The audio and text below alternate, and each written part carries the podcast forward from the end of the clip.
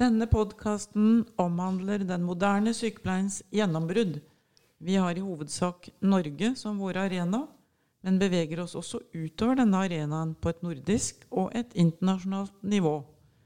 Podkasten strekker seg fra overgangen mellom det 19. og 20. århundre, i årene som første verdenskrig fant sted, og mellomkrigstiden fram mot annen verdenskrig. Den omfatter fire episoder hver på ca. 20-30 minutter. Og i denne andre episoden er det etableringen av de første vertslige sykepleierutdanningene i Norge vi skal snakke om.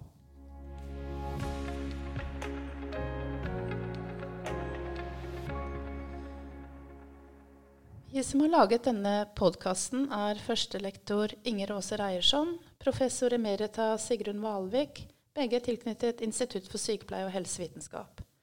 Eh, ved Universitetet i Sørøst-Norge. Podkasten er basert på Sigrun Valviks forskning innen sykepleiehistorie og på hennes doktorgrad om Bergljot Larsson og den moderne sykepleien. Doktorgraden er basert på primærkilder, og i tillegg er en rekke sekundærkilder også brukt.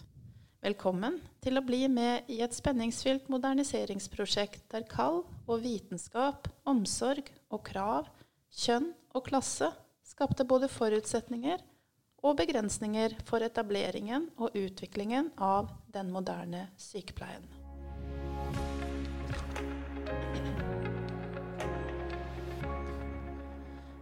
I denne episode to er det som sagt etableringen av de verdslige utdanningene og sykepleierne som ble utdannet ved disse, vi skal ha fokus på. I forrige episode var du inne på dette med verdslige versus diakonale utdanninger.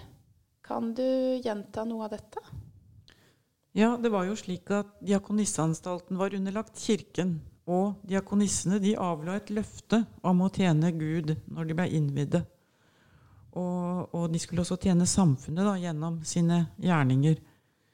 De verdslige utdanningene baserte seg ikke på denne diakonale ideologien, men de var inspirert av denne. Og sykepleierne de hadde i hovedsak det samme verdigrunnlaget som diakonissene. Og når vi først er inne på diakonissene Etter hvert som det ble utdannet diakonisser og prøvesøstre Det var de som var halvferdige med utdanningen, det da enda ikke innvidde diakonisser. Så gikk det rykter over hele Norges land om hva disse faglærte sykepleierne utretta. Og særlig legene. De blei oppmerksomme på hva det faktisk betydde å ha sykepleiere med utdanning. Og det var en viktig grunn til at de ble aktive pådrivere til å få satt i gang utdanning av sykepleiere her i Norge. Men også kristelige organisasjoner og veldedige organisasjoner og sykehuseiere sto bak de første sykepleierutdanningene. Og fra ca. 1890 og framover så ble det opprettet en rekke verdslige sykepleierutdanninger i Norge. Og for øvrig så var den type utdanning i ferd med å etablere seg i hele Europa. Men eh, hva var egentlig årsaken til det økte behovet for faglært sykepleie? Eh, og hvorfor var det så viktig for legene å ta initiativ til opprettelsen av utdanninger for sykepleie? sykepleiere? Ja, vi kunne brukt mye tid på det, for det er utrolig mye som skjedde rundt forrige århundreskifte. Og det var mange faktorer som spilte en rolle. Og som vi var inne på i forrige episode, da, så er vi på vei inn i vitenskapens store århundre. Med en voldsom kunnskapsutvikling på mange områder. Kunnskaper innenfor mikrobiologi og hygiene. Det gjør det tryggere å operere. Og jeg kan vel bare nevne pastør og Lister og antiseptikk. Og samtidig så ble det påvist en rekke smittestoffer som satte det forebyggende arbeidet i fokus. Og alt dette påvirket synet på sykdom, og og forventningene om det å få hjelp, de økte.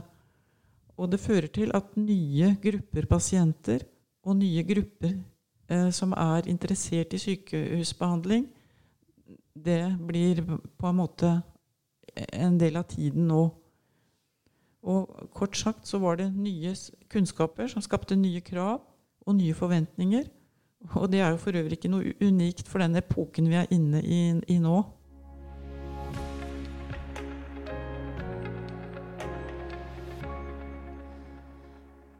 Du sier at uh, nye grupper ble interessert i sykehusbehandlingen. Så denne kunnskapsutviklingen forstår jeg hadde betydning for flere ting? Ja, det er helt riktig, det. Sykehuset det går fra å være en slags oppbevaringsanstalt for syke og fattige mennesker til å bli et sted der en faktisk kan få hjelp og behandling både for sykdom og smerter. Og, og dessuten så blir det mindre risikabelt å ligge på sykehus. Eh, og, og, det gjør altså sykehuset attraktivt for flere grupper mennesker. Også for de velstående, som så langt hadde foretrukket å få privat pleie og behandling i hjemmene sine. Men det hadde også andre konsekvenser. For de ca. 1000 legene som vi hadde i Norge ved inngangen til det 19. århundre, de står jo da overfor flere og flere oppgaver og krav, både på sykehusene og i distriktene. Og vi kan på mange måter nå i ettertid si at vi sto ikke bare på terskelen til vitenskapens århundre, men også til behandlingsmedisinens århundre. Men det høres ut som dette måtte føre til legemangel. Og, og hva gjorde de med det? Ja, det er korrekt. Det, det ordet, Mangelen på leger det førte faktisk til et forslag her i Norge om å innføre to typer legeutdanning slik at det ble utdanna flere leger på kort tid. Men uh, dette ble det aldri noe av, og en kan jo tenke seg at et slikt forslag kan ha blitt, oppfattet som en trussel mot legestanden. Det var en relativt nyetablert profesjon, og Den norske legeforeningen den ble danna i 1886. Og i en seinere episode så skal vi komme inn på at selv om legene hadde mange argumenter mot to typer utdanning når det gjaldt egen profesjon, så syntes de det var en glimrende idé når det gjaldt sykepleierutdanningen. Så de store utfordringene som legene sto overfor, var opplagt én grunn til at legene var aktive pådrivere for å få faglærte sykepleiere. Men hvordan var synet på bruk av ufaglærte sykepleiere på den tiden? Ja, Da tror jeg heller jeg vil si noe om synet på de faglærte sykepleierne. For det at faglærte sykepleiere nå var i ferd med å erstatte de ufaglærte, ja, det var for det første også et internasjonalt problem, problem Nei, ikke et problem, men et fenomen. Det var en trend. Det ble altså flere og flere sykepleierutdanninger i Europa. Så legene i Norge de var også inspirert fra internasjonalt hold. Og dersom en leser i Tidsskrift for Den norske legeforening fra denne tiden, så ser en også at Florence Nightingale faktisk er hyppig nevnt. Eh, og hva hun fikk til, det ble hyppig omtalt der. Så hun gjorde opplagt inntrykk. Og også de endringene som skjer i praksisfeltet når diakonissene gjør sitt inntog, det vekker også stor oppmerksomhet. For da øker antall operasjoner, og dødeligheten etter operasjoner de går ned. Og antall behandlede pasienter øker også. Så legene de forstår kort og godt at de har betydelig større nytte av faglærte enn av ufaglærte sykepleiere. Og de argumenterer også for dette. Men Hva slags argumenter bruker de? Ja, De bruker litt forskjellig. Litt artig det. For det, først, det, som, det argumentet som de på en måte først og fremst uh, formidler, da, det handler om hvor viktig det er at pasienten kommer inn under, og nå siterer jeg, en sykepleiers varsomme og kyndige hender. Uh, og så kommer mer, sånne argumenter på egne vegne. Da. De kommer mer i en slags bisetning. Selv om jeg tenker nok at det, det var det, det, de anså som det aller viktigste. Nemlig at faglærte sykepleiere ville kunne lette legene i arbeidet deres og skaffe dem bedre resultater. Og, og dette er ikke entydig. Det, det lå nok flere ting i det her. For faglærte sykepleiere de ville kunne overta noen av legeoppgavene, og det gjorde de også. Og de ville også kunne assistere legene på en mer kompetent måte enn de ufaglærte. Og, og ikke minst så ville de også kunne pleie dem på en mye mer kyndig og kompetent måte. Og alt dette ville selvsagt kunne styrke resultatet av legenes arbeid, og dermed også legeprofesjonen som sådan. Men som sagt så tenker jeg jo at det mest betydningsfulle og primære det var at faglærte sykepleiere kunne bidra til å møte alle de utfordringene som legene sto overfor i denne brytningstiden.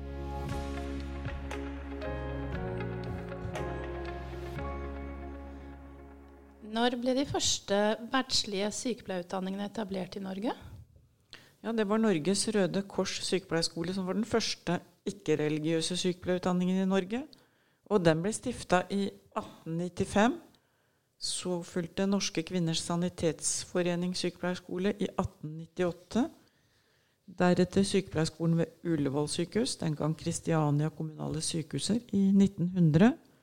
Og skolen som var forløperen til sykepleierutdanningene i Telemark, altså Bratsberg amts sykepleierskole, var også en av de tidligste, og den ble etablert i 1908.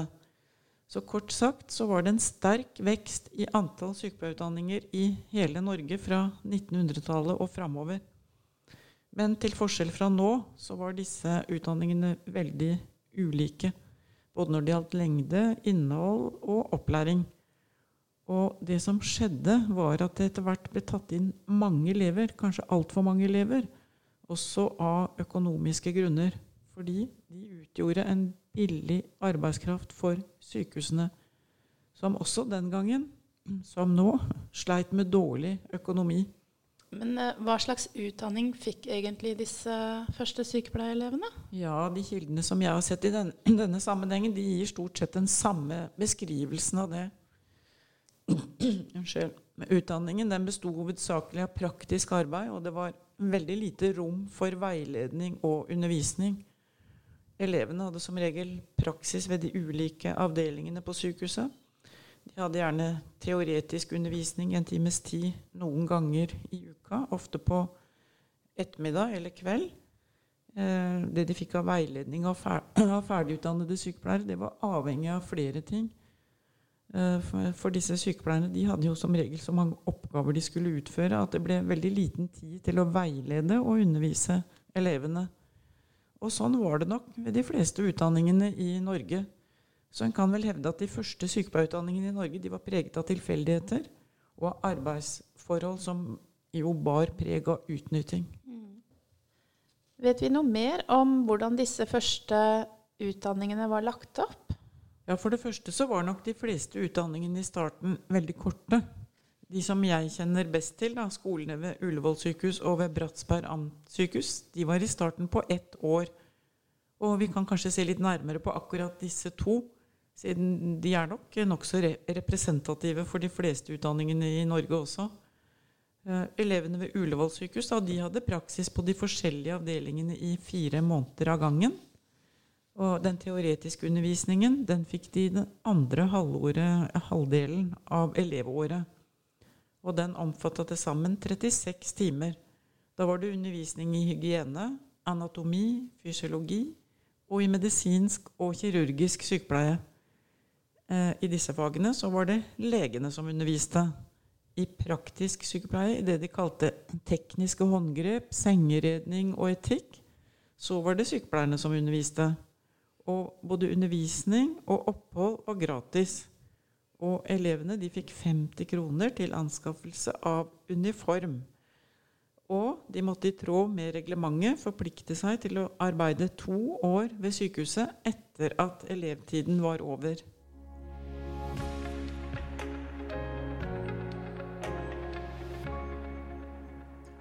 Utdanningen ved Bratsberg amtssykehus ble som sagt etablert i 1908. Jeg sier litt mer om denne fordi jeg i sin tid skrev hovedoppgaven min på Institutt eh, for sykepleiervitenskap på nettopp denne eh, veldig spennende arbeid for øvrig. Sykehuset hadde plass til 100 pasienter og var delt i fire hovedavdelinger. Det var to for menn og to for kvinner. Og det var, eh, og det var også en femteavdeling for menn, en hud- og tuberkuloseavdeling.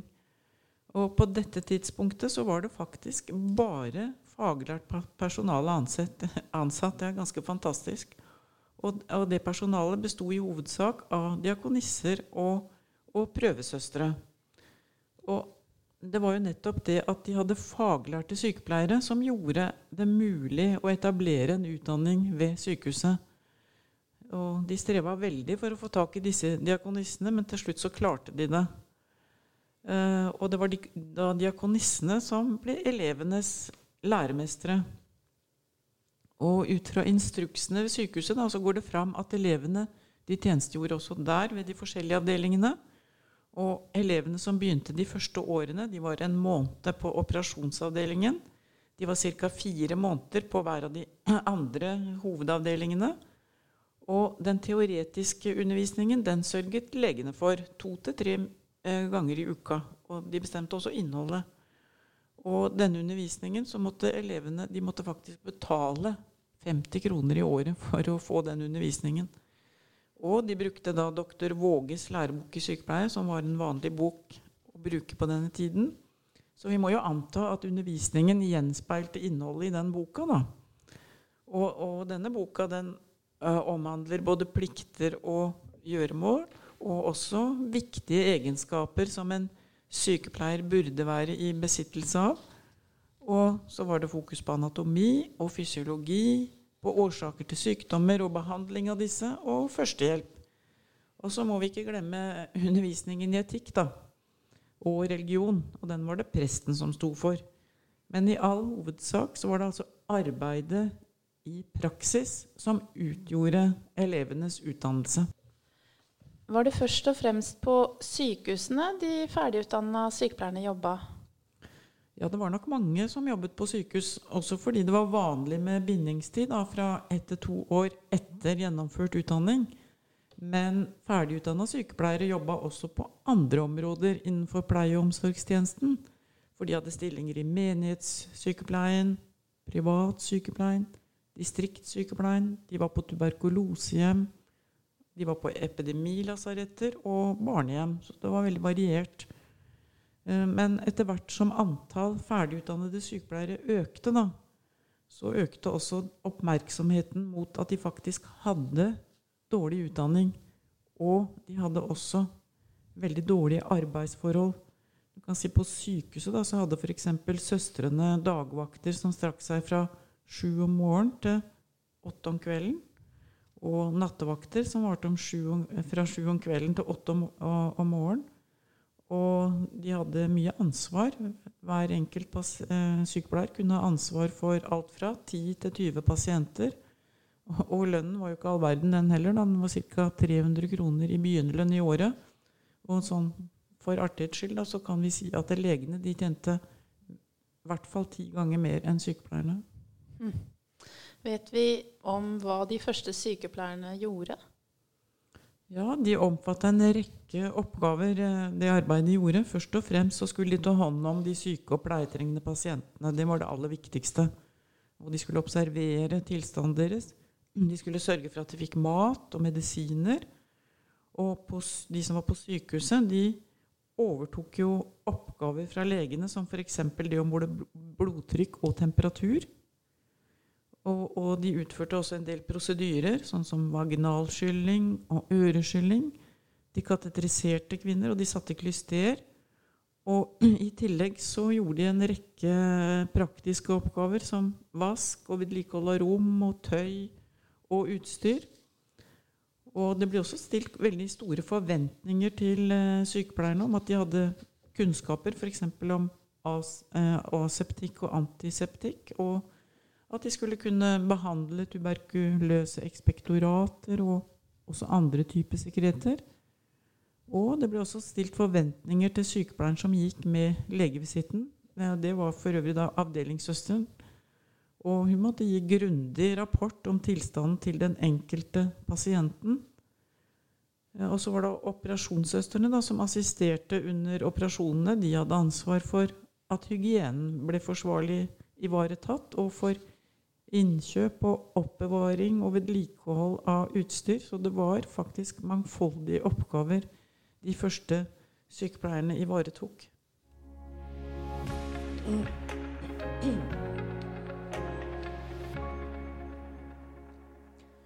Men de hadde man mangfoldige oppgaver, de som arbeida ute i distriktene også.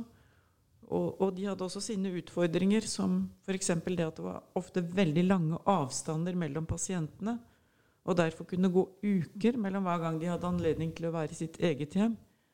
Og I tillegg til pleieoppgavene da, så var det også slik at de faktisk måtte overta rollen til ja, F.eks. hvis husmoren var syk, da, så måtte de, eh, eller lå i barselseng, så måtte de koke, vaske, holde huset i orden.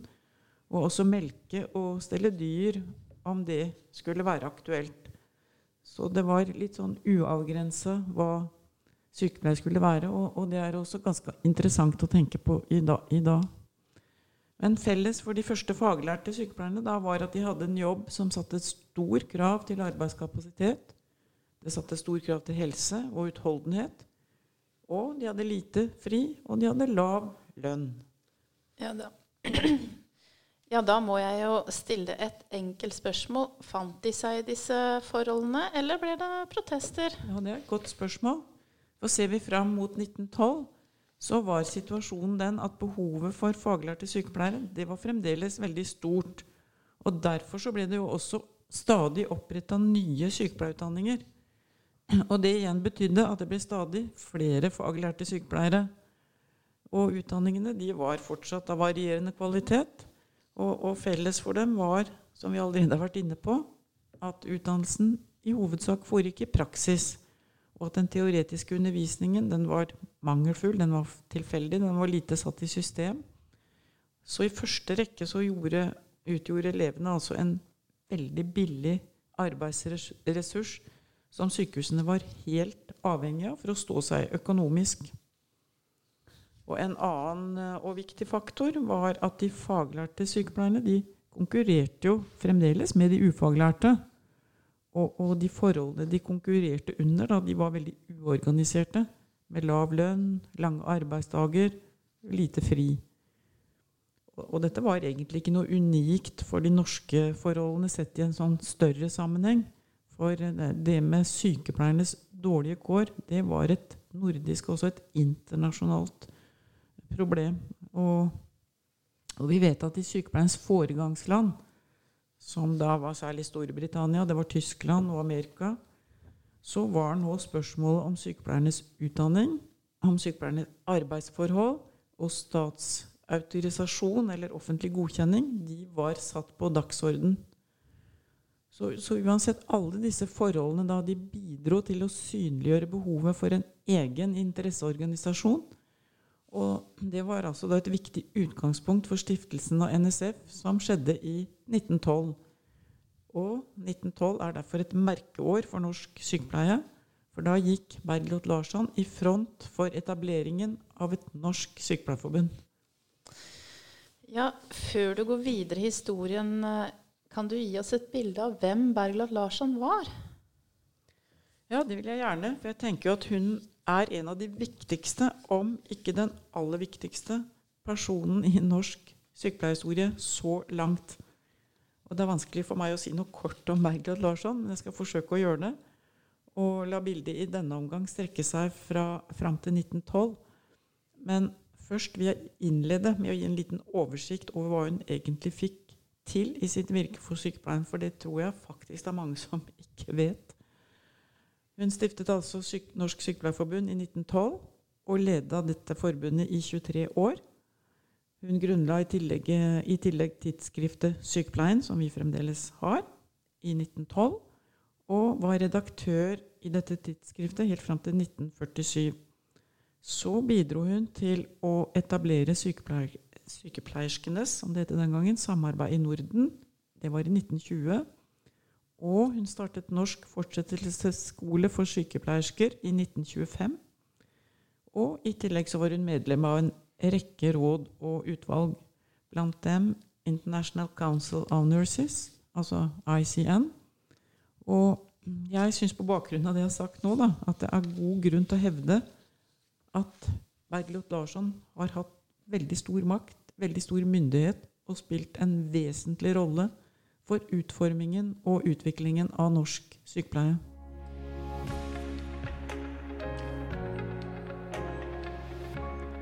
Eh, så litt biografi, da. Altså Bergljot Larsson hun ble født i Norges hovedstad Kristiania, eller Oslo, i 1883. Og hun vokste opp i en familie som var veldig kreativ og kunstnerisk.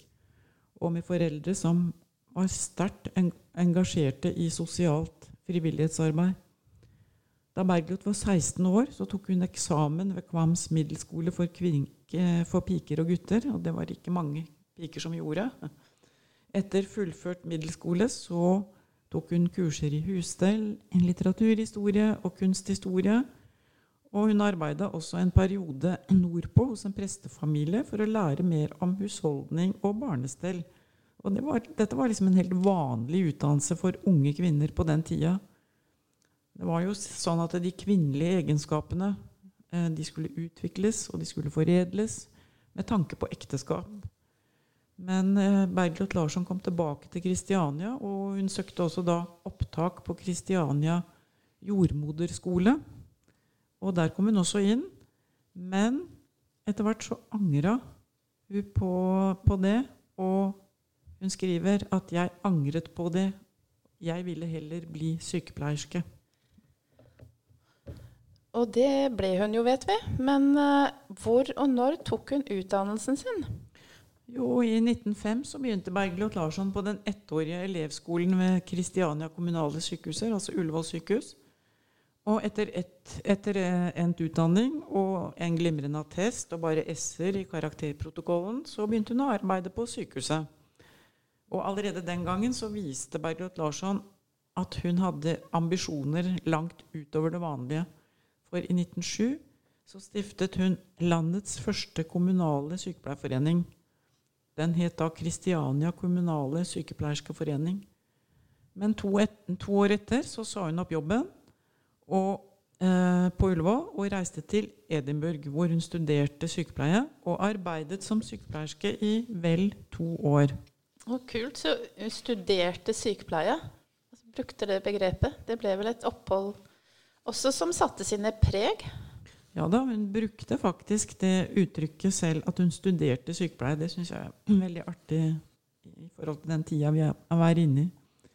Eh, det er helt opplagt at oppholdet i Edinburgh fikk veldig stor betydning for Bergljot Larsson. Og det er kanskje tre områder som jeg mener blei særlig betydningsfulle. Og det ene det er møtet med kampanjen for statsregistrering av sykepleiere. Det med offentlig godkjenning, da. Og det andre det var møte med britisk kvinnesak. Og det tredje det var møte med sykepleiere som var utdannet etter Nightingales utdanningsreform.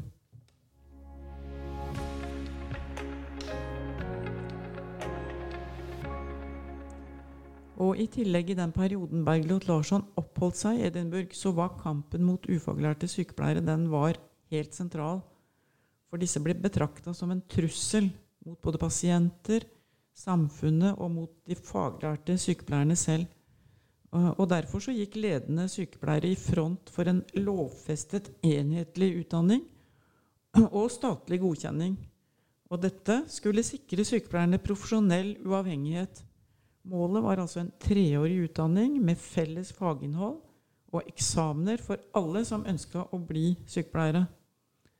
Og, og, jeg vil også nevne at det er mange sykepleierledere på denne tiden, bl.a. i Storbritannia, de var ikke bare framstående fagpersoner, men de var også framstående kvinnesakskvinner.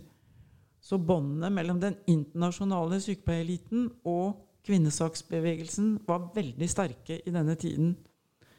Og Bergljot Larsson hevdet senere da hun kom hjem, at hun hadde latt seg imponere av de britiske kvinnesakskvinnene under sitt opphold i Skottland.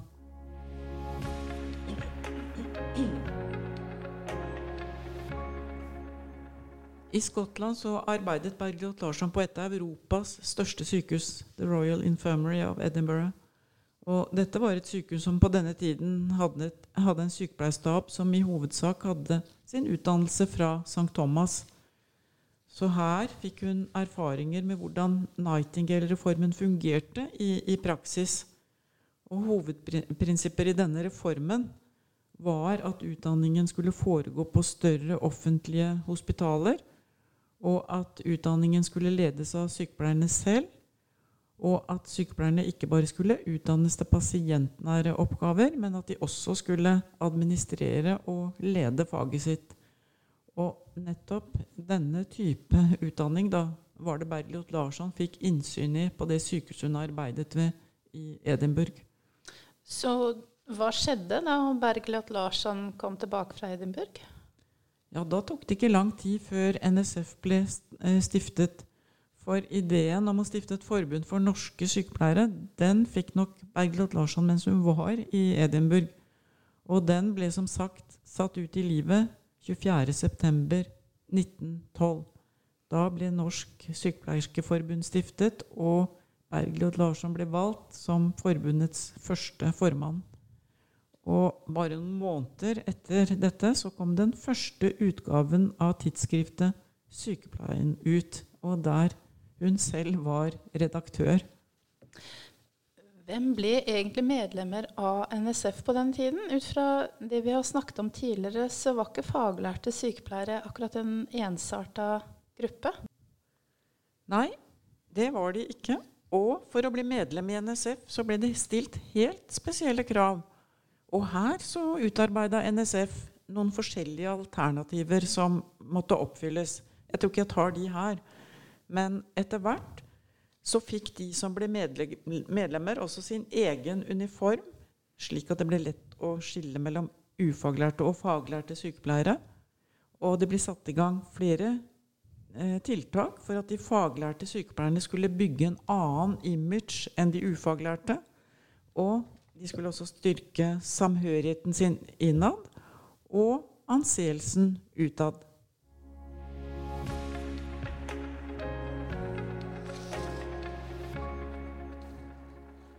Og for å avslutte innslaget om Bergljot Larsson, da, så vil jeg framheve hennes sterke ambisjoner om å gjøre sykepleier til et anerkjent yrke.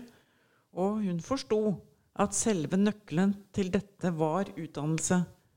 Utdannelse skulle heve sykepleiens posisjon og status, og det skulle sikre pasientene pleie av høy kvalitet og gi sykepleierne status som en selvstendig profesjon som skulle være komplementær til den medisinske. Og som nyvalgt leder da, så var det i første rekke det å styrke sykepleiernes utdannelse som Bergljot Larsson satte fokus på. Og målet var at alle faglærte sykepleiere de skulle gjennomgå en enhetlig treårig utdanning i sykepleie. Så ut fra det du har sagt så langt, så kan en vel hevde at NSF ble en viktig premissleverandør for videre utvikling av sykepleierutdanningen i Norge? Det ble det absolutt. Og målet om en enhet, enhetlig treårig utdanning, den, det ble ikke nådd uten betydelig kamp på barrikadene. Og dette det blir et av temaene i episode tre av denne podkasten.